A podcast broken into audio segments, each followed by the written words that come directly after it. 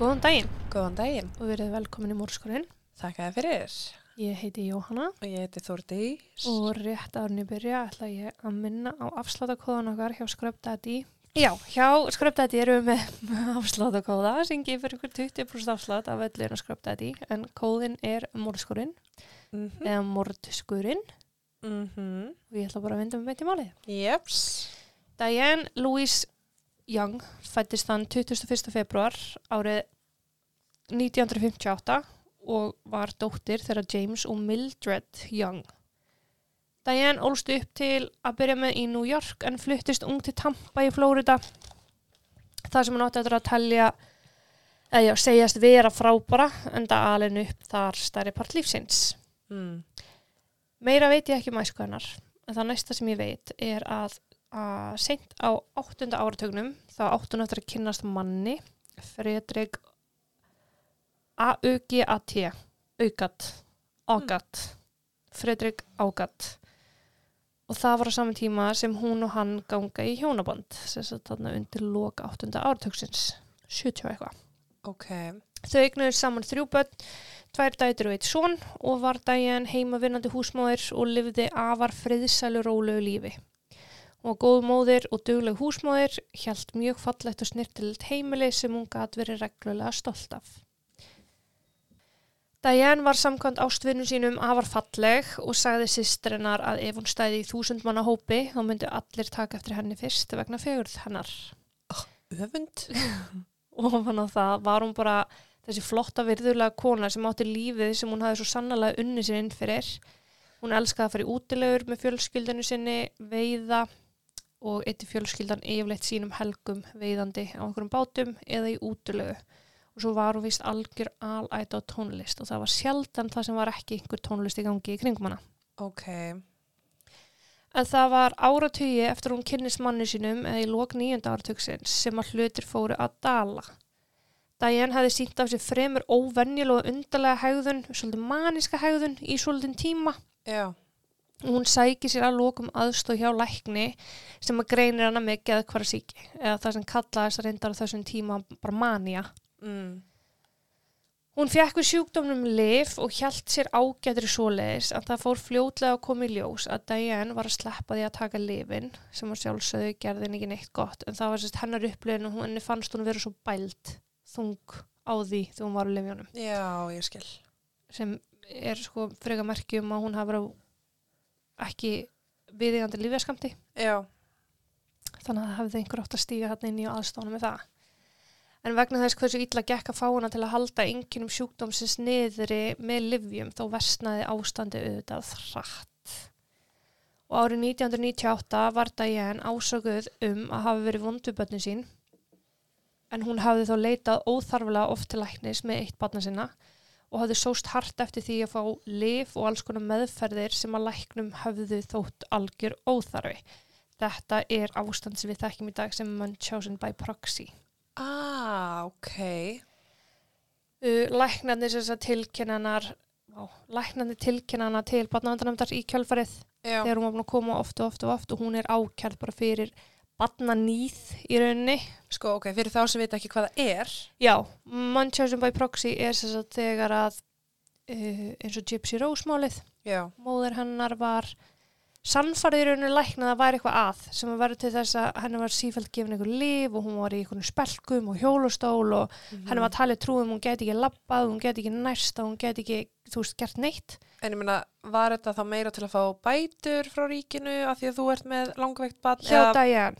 Já, Nei, þetta var bara eitthvað svona árætta. þetta var bara árátta Já, Ok, Þetta var bara hennar sjúkdómur um, að koma svona eða þessi einkenni fylgja þessu sjúkdóm, þessi maniska hegðun já, eða áráttukjönda hegðun og hún var bara vissum að vera eitthvað að barninu sinu og var þess alltaf að fara meðan hún var ekki að reyna að vera vondarna sko. nei en ósjálfrátt þá er þetta Munchausen by proxy og hún er þarna já ákjöruvaldið ákveður að eh, fara með máli alla leið en dómstólum þótti ekki tilefni til að sækjast eftir því að Diane yrði refsað fyrir þetta en það ekki talið að lægi fyrir næja sannanir nýja sko vilji til að skaða badnið Já, hún raunverulega taldi sig vera að gera þið rétta já, með því að vera einmitt sækja læknis aðstofa Já. fyrir barn sem hún held að væri kannski með.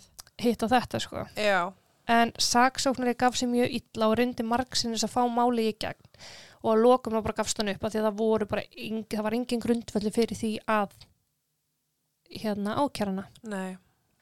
en þetta atvik ásamt mjög óstabili hægðurinn Diane í gegnum árin átti eftir að verða mikil streytuvaldur í hjónabandi hennar Fredriks og hún meðal annars missir forræði yfir börnunum sínum þegar þetta gerist ennþá gift manninu sínum þannig að hún mátti ekki verið kringu börnin sín inn á sinni einu heimili Ah, því hún- börnin voru í hættu, já. höldu, dómstólar eða barnavend, En ég meina læknast af þessari, gera hvað er síki já, eða þú veist, ef þú ert að taka Manchester by proxy, læknastu af þessu. Eins og þú læknast aldrei af barnaginn, læknastu af þessu Nei, eða er þetta bælda já, niður. sko þú náttúrulega ef þú ert bara viðandi lifjumæðferð þá eru, þá er geðað hilsaðin eins og hún á að vera skilur Já, en hún var ekki tilbúin til að taka lifið sín og Nei. var ekki tilbúin til að þykja meðferð Já. þannig að þá náttúrulega lagast hún ekki og það var náttúrulega bara vita mál og það var vita mál og hún vildi ekki taka lifið sín sko. já, og það enda náttúrulega með því að hún og Fredrik þau skilja árið 1991 Fred. Fred vegna sögu um grun um Manchester by proxy þá fekk Diane áframhaldandi ekki forræði Já, yfir börnunum sínum og voru börnin algjörlega fjallað úr hennar um sjá.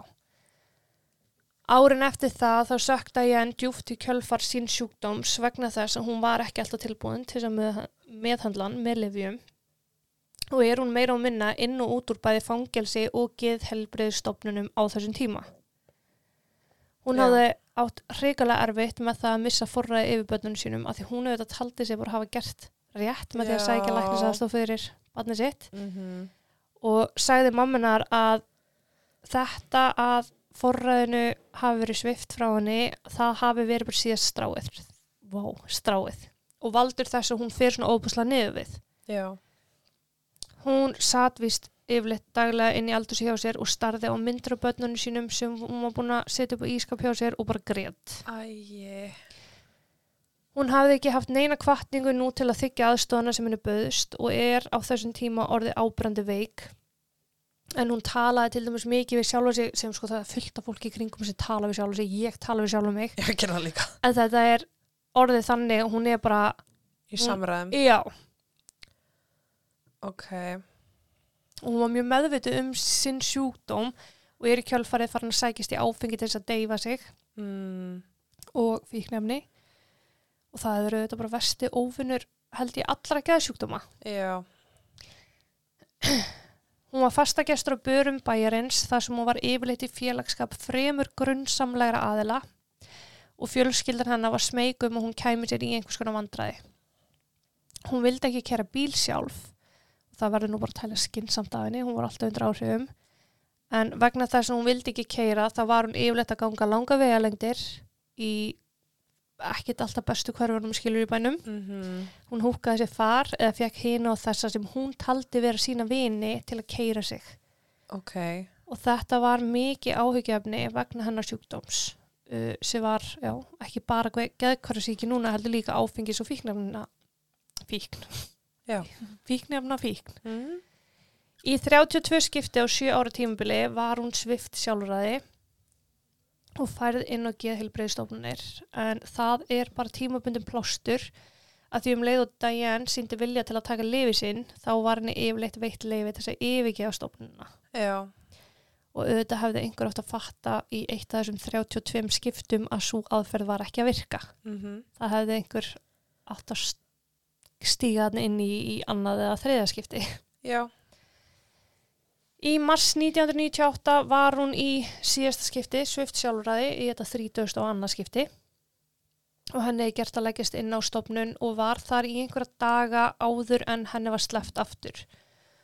Og það er gert ráð fyrir að fjölskyldanarnar myndi bara huga að henni.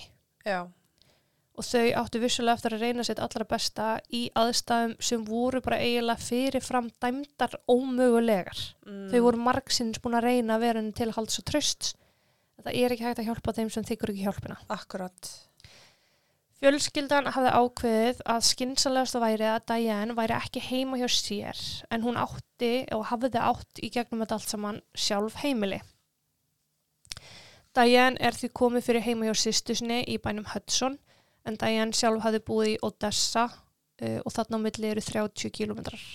ok, Morgunum 10. apríl árið 1998 yfirgefur sýstir Diane heimil sitt til þess að fara til læknis og skilur Diane eina eftir.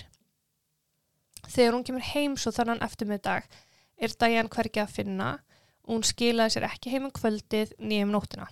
já, Vegna sögu Diane var ákveðið strax að skinsalegast væri að hafa samband við lauruglu sem er gert strax 11. apríl eða daginn eftir að einhver síðan síðast ok, og ástæð fyrir því að lögregla tekur strax undir þessar áhyggjur er að því í þessi 32 skipti þá hafði hún verið svift sjálfræði undir einhverjum lögum Mm. sem að er sem sagt, þannig ef að lögreglumæður eða heilbreyðstarfsmæður eða læknir eða hérna sálfræðingur eða hvað það heitir já, hefur einhver áhyggjur þá er þetta svifta viðkomandi sjálfræði í einhvern x tíma Til þess að fá Ég er 72 metið. tíma eða eitthvað, en það er ekki eins og það, ég held að það vera talað 36 tíma ok, til þess að fá í gegnum matið mm. hvort að viðkomandi eigi að vera sviftu sjálfræði já, þannig að lauruglu var bara eitthvað, ok, já, þú veist það er klálega ástæðina til þess að stíga strax inn í og aðstofa. og samt ótrúld að þeir gera það, því ef að matið kemur út sem að það er ekki þörf á því, að þá eru þeir náttúrulega bara kerðið fyrir frelsisviftingu. Já, en hún hafði náttúrulega aldrei verið talin nógu hæf til þess að vera ekki svift sjálfræði, sko. Mm. Ég bara Þannig að, einhvern veginn held að væri bara fjölskylda sem væri aðalega að, já, hérna á Íslandi er það bara ferli, sko, já, þú veist. mm En þarna er bara, ok, mér finnst þú vera svona og ég hef heimil til þess að svifta þig sjálfræði og ég ætla að gera það og fara með það á stopnum þar sem þú farið frekari mat. já, Þannig að kannski þessi 36 tímar er bara svona skinsamur tímar að til þess að gera þetta. sem er líka sniðut af því að fjölskyldan er auðljóslega ekki að grípa inn í lengur af því að þau náttúrulega bara þau bara geta ekki, Nei, þau, ég er að bara, segja þau það. fáingum, þú veist, ekkert um að ráði sko. og þú veist, ofta tíum er það bara að þú veist, ég myndi að halda að þessir aðilar á vegum yfirvalda, þeir eru bara eitthvað þú veist, við höfum ekki tími í þetta, skilur en að Já. þeir séu auðvitað að grípa inn í og reyna að Já.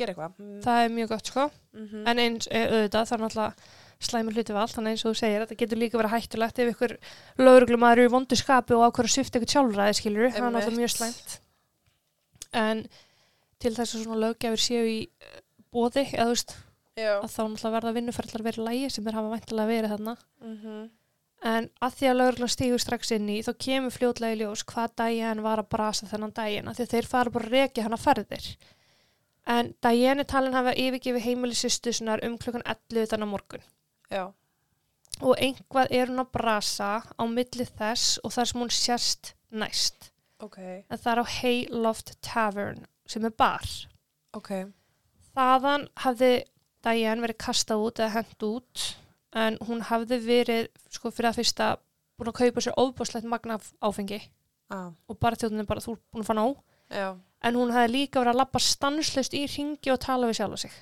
ah, ok og bara þjóðin hjælt hún væri bara mökkuð mm, en raunin var auðvitað svo að þetta var bara áratahegðun sem að fylgdi hennar sjúkdóm akkurat hvað hún hafði svo gert var ekki vitað og á meðan lögreglan var að reyna að púsla saman þá fóru dagarnir að líða Diane var þekkt fyrir lítið annað en að hverfa í einn eða tvo daga en nú voru þrýr fjórir dagaliðinir og ekki taði frest af henni.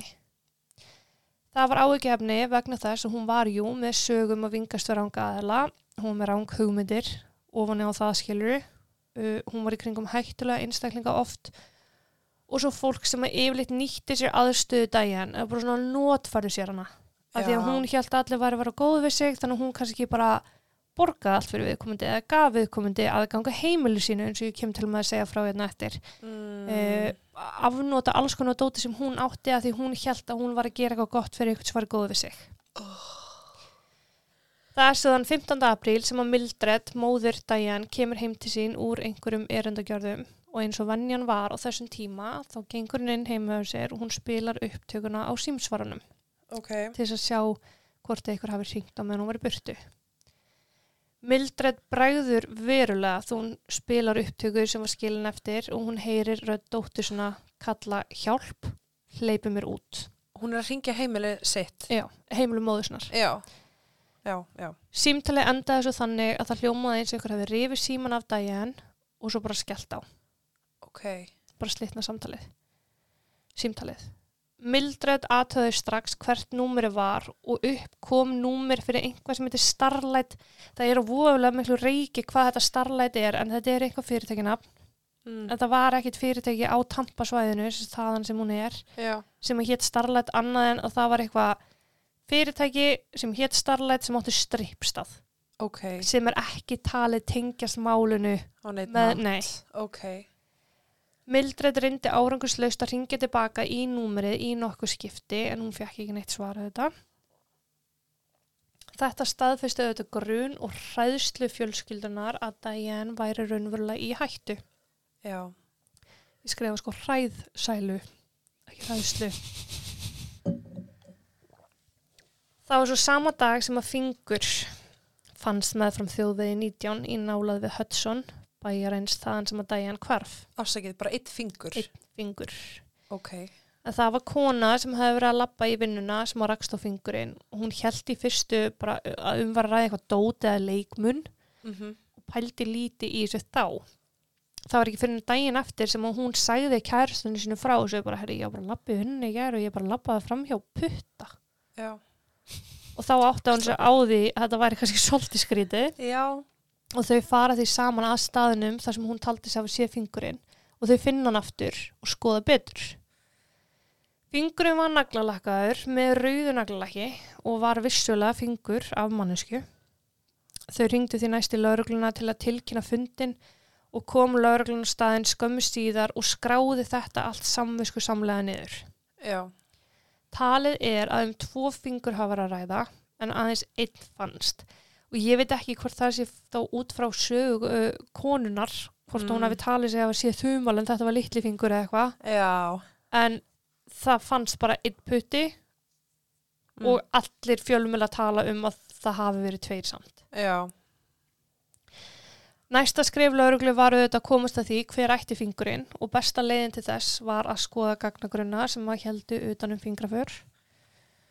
Fingraför fingursins var, eða fingrafar fingursins, hann alltaf ekki mörg fingraför á einu fingri, var borið saman við þannan gagnagrunn og samsvörun átti svo sannarlega eftir að koma upp og fingurinn var í eigu daginn.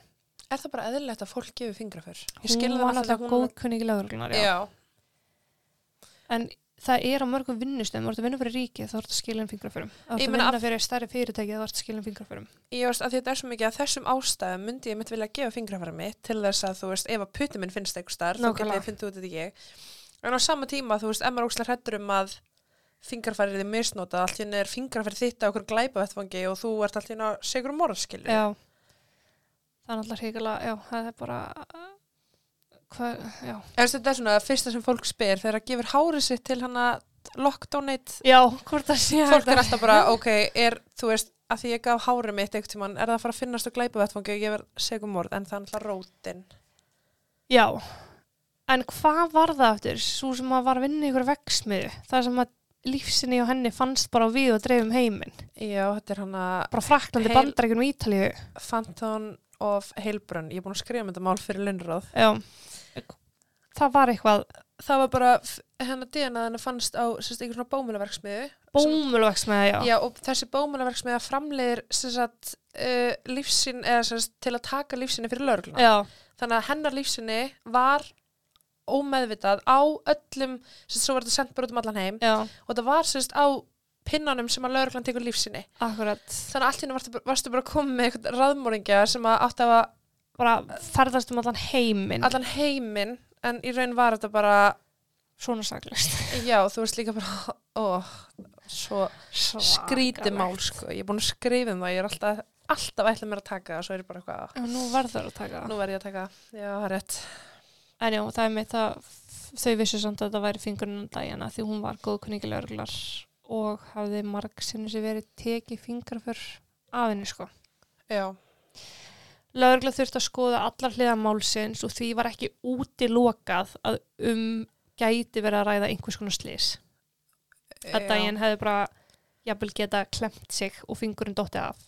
bara Það var þarna akkurat á þessum stað Já, hann alltaf bara verður að teljast hæpið vegna kringustæðana en þeir bara Mhm. mátti ekki útlóka neitt. annað ekki hægt En Diane hafði sp- horfið sporlust, það hafði ekki sest til hann síðan og svo símtalið og nú þetta.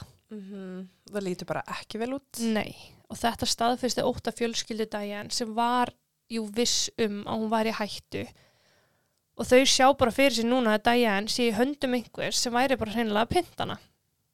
Já. Næstu dagar fara í að skoða svæði betur og staði þar sem að Diane hefði áður verið á. Þarna hefði verið ákveðið að leggja meiri þunga í leitina að henni Mm. og þegar bara ok, það er eitthvað meirháttar. Var ekkert hægt að Gangi. reykja símanúmerið? Nei, Skall í lögreglan það ekki? 98. Mm. Þá þurftur að ná að tala við við komandi. Já, x langan tíma. Já. Oh. Þyrlur voru fengnar til að fljúa yfir svæðið sem að fingurinn hafi fundist á og leitarhópar fengnir til þess að ganga um til að sjá hvort að einhvað, þú veist, hvort að einhver frekara ummerki um daginn var að finna Já. en eftir heljarnar einhverja dagar leit var niðurstan engin. Lauraglan taldi nú eins og fjölskylda hennar að Diane hefði ekki farið á eigin vegum og hún væri í stórkostleiri hættu Já. og grunurinn var bæði á lauruglu og fjölskyldanar að hún hefði treyst vittlisum aðila hvort sem hún hefði húkað sér far með einhverjum vafasumum eða hitt á einhvern af þessum vafasumum vinnu sínum eða nýjan Mm. vafasaman Það er einstakling alltaf þekkt fyrir það. Já, þá var hann alveg klálega í höndum einhver sem vildi henni ekkert gott og það er rosa erfitt að vera með svona mál með einstakling sem er þekktur fyrir að húka sér far það er bara fullt áknöðu fólki Já. hún er vön að lappina á einhvern bar og vingast valla Mhm. ennþá meira áknöðu fólki Já. Þú veist, og svo á hún fullt af vinum innan gæðslappa sem hún er búin að vera í samskipti við í kannski 1, 2, 3 skipti Já. ennþá meira fólk og það vissi enginn hvaða fólk þetta er. Nei. Það var von á þessum tímapunkti að hún væri jafnvel á lífi þar sem engin fleiri líkámspartar höfðu dúkað upp Mm en vonin veiktist með hverjum deginum sem að leið. Erfitt var að reykja nákvæma ferðu daginn, daginn sem hún hverfur og nánast ómögulegt að hafa upp á því fólki sem hún hafði umgengist, eins og ég segi, í gegnum árin að því að fjölskyldan hennar hafði ekki haft neitt áhuga á að vita þú veist, hvaða fólk þetta var þess þú heldur kynnast í. Já. Þar sem að meiri þungi hefur verið lagður í leitina að henni þá voru fjölmjölar farnar að fjalla meira um málið og það vissu allir að því að Diane, Diane væri týnd og flesti með augun opin fyrir einhverju grunnsalegu eða óvenjulegu. Mm Það hefur sjálfsagt verið út af því sem að kona hafði samband við sýstu Diane þann 18. apríl en svo kona hafði verið verslunarstjóri í vegsjöpu í nálað við Odessa, sem sagt heimabæ Diane Já. og þessi verslunustjóri hafði verið að bardúsa einhvað í vinnunni og gengi inn í fristi þar sem var sjoppan, eða sjoppa var með fyrir utan hjá sér.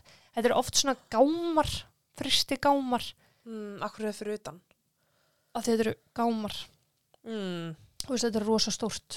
Og hvað, sæk, er, hvað ertu með þar?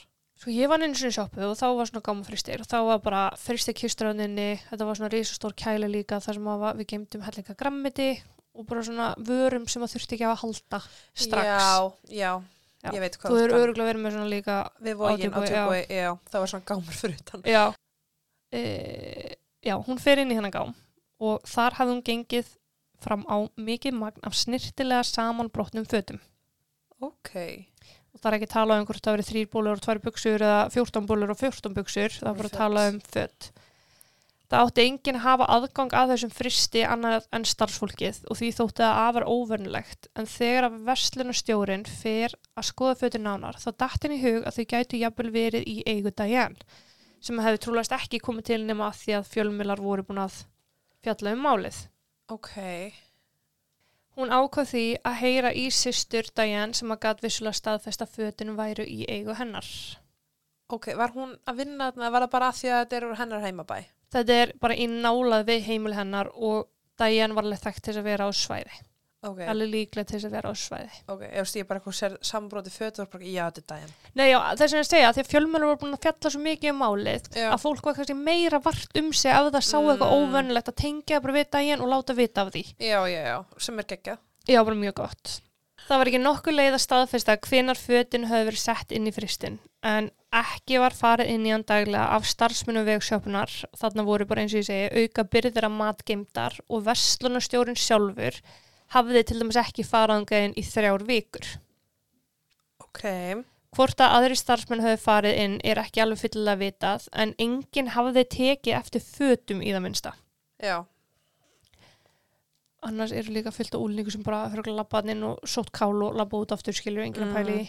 já, En lauruglan rannsaka þetta þó vel og vandlega en í ljós kom að hópur úlinga höfðu verið inn á heimili daginn úlingar sem hún sjálf hafi gefið leifi að vera inn á heimilinu þegar hún væri ekki þar sjálf. bara daginn sem hún kvarf eða bara Nei, bara yfir Ah, hvenær höfuð, sem bara er. í, þessi gegn, í gegnum þessi 32 skipti sem hún var inn á stofnun til dæmis. ok, Þá var hún bara búin að leiða fólki að vera heima á sér. já, Um, hún var alltaf vön að vera allt og góð þveranga aðala og það var talið að uh, þessir úlingar hefðu verið þeir sem að komu fötunum fyrir en það var líka talið að þeir hefðu verið þeir sem að stálu alls konar hlutum úr íbúðanar en það var einhver sem hefði komið í ljós nokkru áður að þess að það voru fullt af munum hornir úr íbúðanarnas ekkit samt þannig að það var eitthvað rúa stúi það bara auðvitað hefði eitthvað farið að ná tekið hlutir skilur já um, en talið er að úlingunum hafi fundist afar fyndi að setja fötum þangað inn til þess að Ha. afvegleiða lauruglu um hvarfið hennar. mm, Ekki var talið að það væri bein tenging um milli fatnaðsins og hvarfsins á daginn. ok, Áfram hélt rannsókn á hvarfi daginn en það var bara lítið til þess að vinna með. Fyrstu vikunar á eftir komu heilmikið ábendingum til lauruglu frá hugsalum vittnum en það flest allir að benda á að þeir hafi talið sig sjá daginn hér og þar og alls þar já í bæði Odessa og Hudson. eins og gengur og gerist Já. Þar á meðal var einn sem að taldi sig hafa séð daginn á vappi á milli þrjú og fjögur um dag í nála við þaðan sem að fingurinn hennar átti síðan meir eftir að finnast mm, og annað vitni taldi sig hafa séð daginn á vappi sama dag og símtali barst móður daginn. ok, Þannig að það er þá uh, 11, nei, það var sérst 11. apríl og þá 15. apríl. ok um, en þar sem að ábendingarna voru að koma tölvörun tíma eftir að atbyrðnar eiga sér stað þá var engin leið til þess að rekja ferðidæjan eða sanna að um hafi verið að ræða hana. mm, Í byrjun mæ, mánuð eftir að dæjan hvarf, þá var nánast allir í fjölmjölu umfyllun um hvarfið hætt og aðteglin orðið miklu minni á málið. Lögreglan gerði sitt allra besta til að vinna með þessar ábendingar en það reyndist bæði mjög erfitt og flækti málið enn frekar að því að ef hún var raunverulega á vappi bæði 11. og 15. apríl þá eru ansi margir dagar þarna á milli sem er ekki vita hvar hún er að hvað hún er að gera já og nú orðið mjög erfitt að rekja mm þannig að það er 11., 12., 13., 14. og 15. fyrir utan þann 10. þegar hún sérst af fjölskyldunum sinni síðast. já, Það eru 6 dagar. emitt Málið var því bara eins og hvert annað mannskvarsmál í skúffu lauruglunar en lauruglan má svo sannlega eiga það sem þeir eiga og þeir syndur hann svo mjög vel og það er engin óanaður með vinnu lauruglu í tengslum við málið. ok, Fjölskyldan hennar reyndi sitt allra besta að minna á máldægin næstu mánuði og ár ertu að segja mér þetta sé óupplýst ég ætla bara ekki að segja nótt skapaðan hlut, hlusta bara. ok, Og árið 2000 þá kom út viðtal við fóraldranar þar sem að þau rifjuðu upp lífdægin á mjög bara hreinskili máta. Enga krúsidólur og glimmer. Þau sögðu bara frá að lífdægin hafi farið hratt niður og við eftir að sjúkdómi dóttu er að fóra að gera vart við sig mm, sem var jú til þess að hún tapaði bara í hjónabandi sínu og að lokum börnunum. Þau rættu mjög opinskátt um fíknefna og áfengisneyslu hennar og skófu ekkert ofan af neinu. Sögðu frá hegðun hennar, sögðu frá hvernig hún hafði verið árin áður en hún hvarf. Af því að hún skilur 91 og 98 mm þá hverfur hún og það fórum, já, þú veist þetta er ekki saman manneska sjö árum sko. nei En þetta verður til þess að frekari umfjöllun fyrir gangu um hvarf dagjan. Það jók þrýsting á lauruglu að sinna málunu aftur. já, Lauruglan hafði þessi tvö ár aldrei talað um málið sem kalt, þess frá 98 til 2000 þegar þau farið viðtalið, heldur var talað um að málinu væri sint sem yfirstandandi rannsókn. ok og lauruglan eins og ég segi má eiga það sem þeir eiga og það er að það var gífuleg vinna sem var lögð í málið og lauruglan talaði um að þeir væri mjög spældir að öll þessi vinna var því miður bara ekki skila því sem til var ætlast já, en því miður voru vangavelti fjölskyldunar á meðan bara var hún bútu niður var hún pyntuð, er hún lifandi er hún dáin, kvaldist hún eða fekk hún að deyja rætt mhm og það var bara dagamunur á suma daga voru við vissum hún var á lífi og á meðan aðra daga þá voru um við vissum hún var það ekki já, Dægin eftir að þetta viðtal, fóreldra Dæjan var gefið út, var uppgötun í vegsjópu sem að Dæjan hefði verið reglulegu gestur í. Þar sem að fötum fundust. Ekki sömu skilsmenni. Ok. Fjölskylda hennar var ennþá fasta gestur þar, eða þú veist, þetta var bara svona vegsjópa, þetta var bara svo holta næstu skilur, þú veist, fólk myndi alveg vita, þú veist. Já, ekki Það er bara segja svona mér að hún hafi hvarfis- labbað inn puttalaus. Nei. ok. En þann 25. november uh, þá gengur kærasta bróði daginn inn í Circle K sjoppuna. Hún hefði gengið upp á afgriðsluborinu þegar hún rak augun í póka sem hún stóð á daginn, skrifa með svörstun tússi. Og þetta er alveg nokkur árum síðar. Já, tveim. Ok. Hún var strax forvitin út af nafninu og ósjálfur átt þá velti hún fyrir sér hvort þetta gæti haft einhver með mál daginn að gera eða daginn sjálfa. Mm. Hún tók því pókan og fór með hann til fjölskyldudæjan sem að lét lauruglu strax vita af því sem að hún hafi fundið. Já. Ofan í pókanum var svartur ælaner, tabú ilmvatn, sérst ilmvatn sem heitir tabú, skerblegu varleitur og tannkrem. Tannkrem sem var mert geð heilbröðstofnun sem að dæjan hefði síðast verið inn á. Ok. Áður en hún var sett í umsá fjölskyldu sinnar, áður en hún hvarf sér sett Mm. síðasta stofnunum sem hún var á. Ælanir var einhvað sem hún notaði mjög oft. Tabú var ylvatni sem hún notaði alltaf og skerbleikur varalitur hafði oft verið það sem einkendi dæjan. Ok. Það benti allt til þess að þetta væri bara hreinlega eigur dæjan og fjölskyldan hennar skildi ekki af hverju að þetta var að dúkka upp núna. Það gat varla talist tilviljun. Uh-uh. Laurugla var sammála því og gaf út að þeir kæmi til með að skoða upptökur úr myndavælakerfi sjoppunar til að sjá hver hefði farið með pókan þangað inn. Mm. Hvort að einhvað hafi komið út af þessu er ekki vitað að því að lauruglan gaf það aldrei út.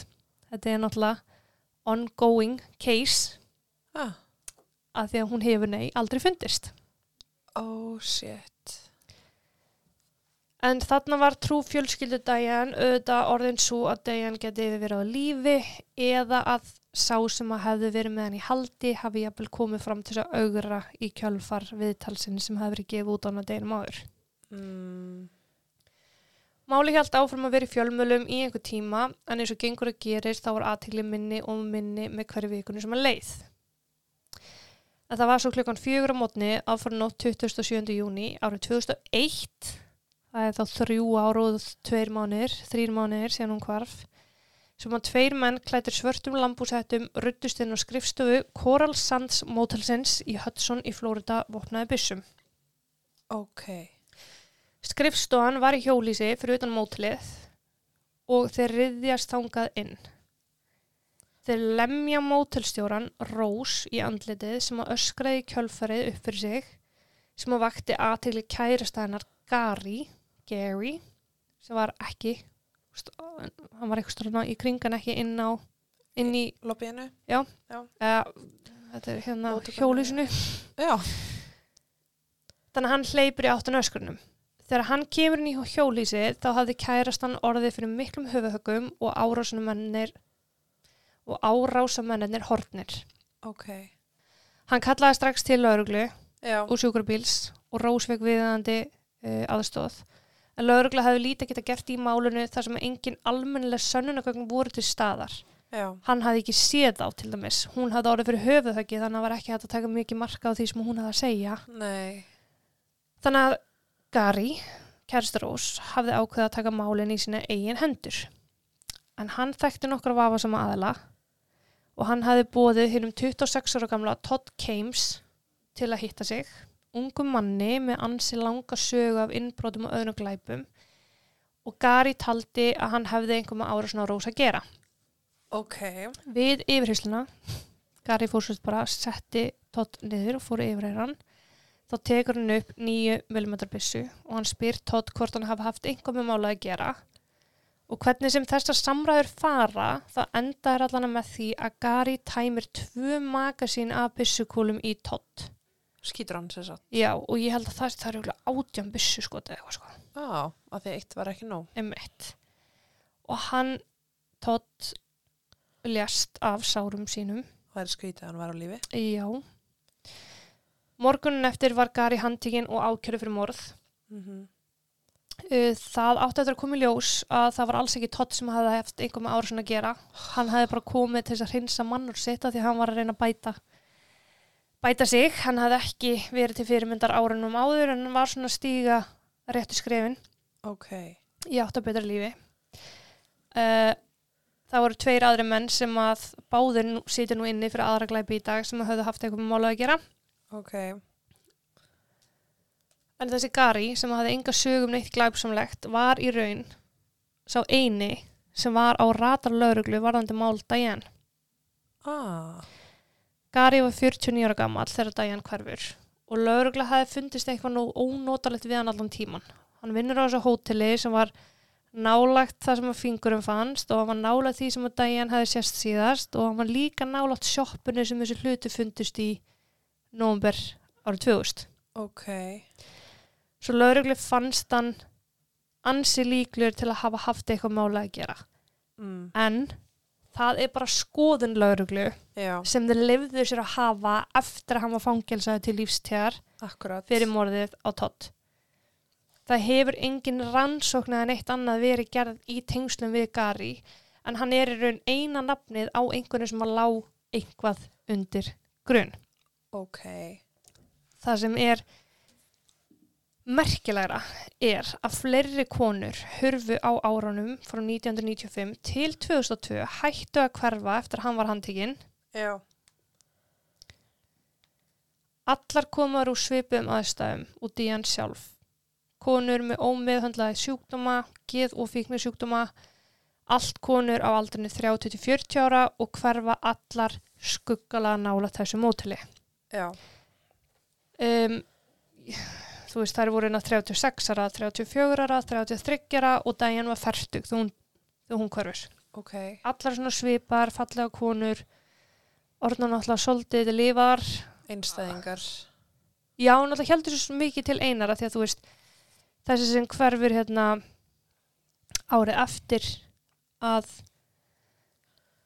daginn hverfur líki hana fannst og hún hafði lengi strýtt við fíknefni og áfengi og Mm. átti engan að og enginn sem saknaði hennar í rauninni Ah. fljótlega eftir það þá var önnur sem var líka, hún var alkoholisti hún hafði áður unni sem barþjóðn en hún misti vinnunni sinna, var í litlu sambandi við fjölskyldunni sinni, í kjölfar út af sinni fíkn Ok. og já og það eru fleiri þetta sem maður getur farið í gegnum en þá voru málið svolítið svona ekki um það sem að málið sínsnum Já.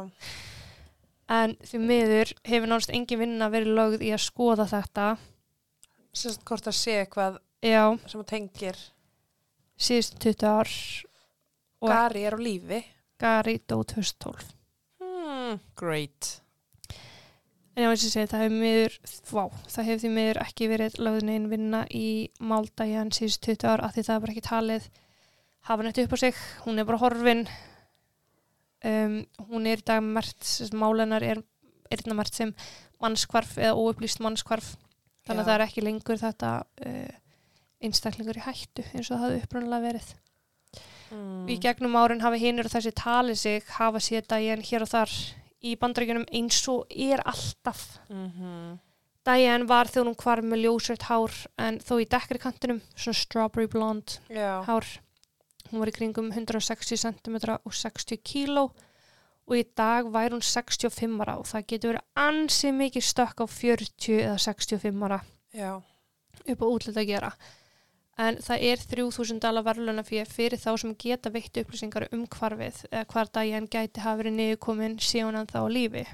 Akkurat. Þetta getur oft verið kvati fyrir fólk til að ringja inn Mm. en síðustu 20 ár hefur varla verið neinn hreyfingi í málunu annað en bara óáreðanlegar ábendingar hér og þar. Já. En það sem mér finnst áhugavert er þessi vinkvill að skoða hvort þessi gari hafi bara jafnvel verið ráðamóningi Uh -huh. sem að leita út fyrir að vera váða saklus kall með ynga sögum glæpi Já. en svo bara missi sér þetta eina skipt og drepi mann sem hann telur hafa lami kærustinu sína Mm -hmm. en það hefur ekkert verið það er ekki hægt að sanna það neitt eða, eða sko fyrir fyrst hann alltaf dáinn Já. og það var ekki Hægt að finna hennar tengingu. nei, En já, þannig að því mér, hún er puttalaus, puttalaus, annarkvort að lífið ekki nákvæmlega og svo án náttúrulega varlitsins án varlitins, já, og ælanins en það sem er svo leðilegt líka við þetta að maður hugsar alveg gæti verið ef hún sé hann þá lífi að hún sé bara ykkur starf út í heimi putalaus, Akkurat, ég Veit var ekki að hugsa þetta veit ekki neitt, eða þá hún hafi bara verið komið ógjör á lífinu sinu, fengið eitthvað tækifæri eh, ekki, veit ekki hvernig hún misti puttan skilur það er enginn sem að bara skera hann af sér af því bara, Nei. en ég meina hún var kannski bara í maníu eða eitthvað já en enga sér, hún heldur áfram að vera þú veist, uh -huh. hún heldur áfram að sína enginn sjúkdómsins ef hún ætlar ekki að fór hennu meðhöndlun sko. það er bara óumflýjanlegt, það hættir ekkit það, hann er vantað aðstóð til þess að halda enginn sjúkdómsins niður sem var þessi óbúslega manja og áráttu Já, þannig að en maður veit ekki, þú veist, ég myndi þá frekar halda að hún sé með ómeðhöndlaðan geðsjúkdómi einhvers þar út í heimi puttalaus. heldur hann látin Nei, ef hún er á lífi, Já, skilur já, heldur já, já, hún að akkurat. fengi eitthvað ógeða lífinu og En á Sama. sama, ákveða að byrja upp á nýtt, sko. sama tíma, þú veist, ef hún væri að svipast um á þessu svæði og hefði sett pókan þangað sjálf og puttan þangað þá held ég að fólk hefði alveg séð hana Já. af því hún var svo mikið umfjöllin Mm -hmm. Þú veist, Ólík. ég alveg tekið eftir að hún kæmi inn á veitingastað með pókan sinn, þú veist, að búið að leita að henni og svo, að þú veist, 100% hafði einhver spotta og líka lögurlun hefði þá verið bara, herðu, við sáum hana uh á myndbansuptökunum en ég held að sé